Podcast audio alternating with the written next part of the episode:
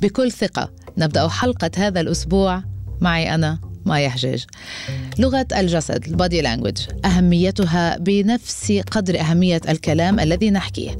تلعب دورا كبيرا بالتواصل. في دراسة عملت وكثير اشتهرت لقيت أنه التواصل 55% غير لفظي 38% صوتي و7% فقط كلمات. بحلقة اليوم رح نكمل الجزء الثاني من الموضوع واللي ما سمع أو حضر الجزء الأول. عمول لنفسك معروف وبلش بالجزء الأول للغة الجسد قبل ما تكمل هاي الحلقة معنا. اللي حنتعرف فيها على أهم أساسيات التواصل بلغة الجسد. فهم طاقة الشخص الذي توجه له الحديث ومدى تقبله لكلامك. ومهما يبدو الأمر صعبا ومعقدا بس لما تزبطه رح يساعدك على قراءة الناس مثل كتاب مفتوح وتبدأ تتفاعل وتتصرف بكل ثقة. حركة الحواجب الحاجبين ما تلعب بحواجبك ما رح نقدر نشوفك. رفع الحاجبين بسرعة دليل على فرحة بشوفة شخص. رفع حاجب واحد دليل على عدم تصديق ما تسمعه. رفع حاجبين وتقويسهما دليل على الدهشة والتعجب.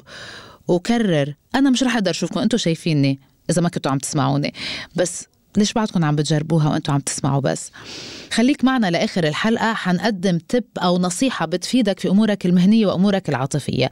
أما عندما تكون بين ناس كثر سواء مع الأهل أو بالشغل أو مع الأصحاب وحابب أن تظهر نفسك متمكن وواثق من نفسك فأكيد أنك تنتبه إلى أهم نقطة بلغة لغة الجسد وهي البوستشر أو الوقفة السليمة والصحيه بإرخاء الكتفين واستقامة الظهر وتوحي بالثقة بالنفس واتخاذ القرارات الصحيحة. ونفس الشيء بينطبق على طريقة الجلوس. الجلوس بانتصاب وارتياح دليل على أن هذا الشخص يتحلى بثقة كبيرة بالنفس. تجعل شخصيته جذابة بشكل كبير لجميع من حوله. الجلوس مع الاتكاء بالذراعين إلى الخلف هذه الوضعية تعبر عن مشاعرك الرقيقة وحرصك على عدم جرح الآخرين من حولك بتصرفاتك. الجلوس مع الاستناد على أذرع الكرسي تدل على رزانة هذا الشخص وإمكانية الاعتماد عليه. ووضع اليدين في الحضن أثناء الجلوس دليل على كون الشخص شديد الخجل وانطوائي. وقبل أن ننسى يجب أن نتذكر الأولاد حبايبنا وكيف أنه بحركات صغيرة يمكن أن يشعر بقربه منك. الأمر الذي يساعده على تقبل الأشياء التي تقولها أو النصيحة التي تقدمها له، مثل حقيقة أنه نحن أطول بكثير من أطفالنا الصغار، فحتى نتمكن من تجاوز حاجز اختلاف أجسامنا عن أجسامهم، تنصح الخبيرة بلغة الجسد يانا جيرمان بالجلوس بجانب الطفل أو أمامه حتى تصبح الرسالة أكثر وضوحا ويتلقى الأطفال الفكرة أو النصيحة بشكل أسرع بكثير ويكونون أكثر استعدادا لتنفيذ ما تطلبه منهم. وهذا اللي بدنا إياه. ولأن لغة الجسد قد تؤدي إلى كوارث خليني أذكر بعض الأشياء التي يجب أن تتجنبها أو تحاول أن تتجنبها حتى ما يفهموك الناس غلط. مثلا. لا تضع يدك في جيبك أنت عندما تحاور شخص مش صديق مثل مدير أو شخص أكبر منك عمرا. أو أن تكون ربما في مكان رسمي. ولما تكون مندمج بموضوع ما تترقص يمين وشمال بكامل جسمك لأنك ستقوم بتشتيت الناس. ما رح يكونوا قادرين يركزوا مع حكاياتك. يا حكواتي. تفحص الساعة بيدك أمر مزعج جدا والوقوف أيضا قريب جدا دون ترك مساحة شخصية أمر منفر جدا للطرف المقابل لك. Personal space. خلونا نتنفس. وصلنا لفقرة النصيحة النصيحة اللي بدها تفيدك. حتى تكون أكثر ثقة بأن تطوع لغة الجسد بموقفك في العمل مع مديرك أو مع من هو أعلى منصبا منك مهنيا. والثاني من فطمك إذا كان عندك معجب سري بحاول يقرب لك أو بده يوضح لك الصورة بدون ما يبوح عن اللي بداخله أوكي؟ بالشغل أو مع أي شخص نيتك من هذا اللقاء أن توصلوا لمرحلة تفاهم تكونوا على وفاق. On the same page مثل ما بيقولوا.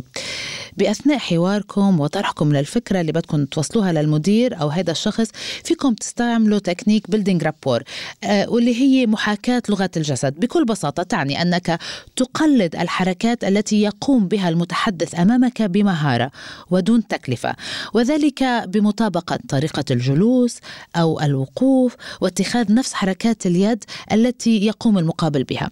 وتقول مجلة Harvard Business Review إن هذا التكنيك يولد تفاعلا أكثر إيجابية بيوصل لحلول لما تناقشوها بكل سلاسة وثقة. وآخر نصيحة للحبيبة. تكشف لك إذا عندك شخص بحياتك بده يشكي لك من نار حبه وبده يحكي لك عاللي بقلبه وعزة نفسه منع شردت أنا. okay.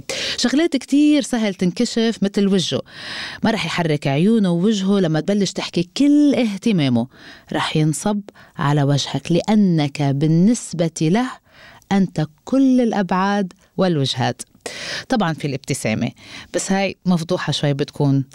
ولعب البنت بشعراتها وهي عم تسمع لك كمان مفضوحة. بس اللي كتير ناس ما بيعرفوه أن الرجلين هم أدق دليل على الإعجاب. انتبه لاتجاه القدمين. دائما ستشير إليك حتى لو كنت محاطا بناس كثر. المعجبة أو المعجب باللاوعي بوقوفه وجلوسه حتكون الرجلين والقدمين متوجهة لمكانك. واللي أنا متأكدة منه وما رح تتذكروا كل هاي المعلومات فاسمعوا هذا البودكاست مرة تانية وثالثة وشاركوه مع أصحابكم وأهلكم على المنصات التي تفضلونها حتى يوصل لأكبر قدر ممكن من المستمعين. طبعا أنتظر تعليقاتكم على النقاط اللي كنتوا اوريدي بتعرفوها أو النقاط اللي غابت عنا وما ذكرناها. وأحلى تعليق رح نبلش فيه حلقة من بكل ثقة. ختاما أرجو التنويه أن هذا البودكاست لا يستند إلى تجارب شخصية. هذا البودكاست هو مجموعة من التجارب الشخصية والآراء الفردية ومقتطفات من أهم الأبحاث والمقالات العلمية.